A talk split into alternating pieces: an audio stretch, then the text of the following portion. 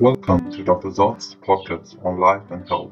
We will talk about health and personal well being, as well as tools and techniques required for self development. မင်္ဂလာပါမိတ်ဆွေတို့အတွက်ကိုယ်စိတ်နှလုံး၃ပါးနဲ့ပြည့်စုံညီညွတ်တဲ့ကျန်းမာရေးတိုးတက်အောင်မြင်ပျော်ရွှင်ငြိမ်းချမ်းတဲ့ဘဝတွေအတွက်အကြံဉာဏ်ကောင်းနည်းလမ်းကောင်းများကိုတင်ဆက်ပေးမယ် Dr. Zaw, ရဲ့ Life and Health Podcast အစီအစဉ်ကနေကြိုဆိုလိုက်ပါတယ်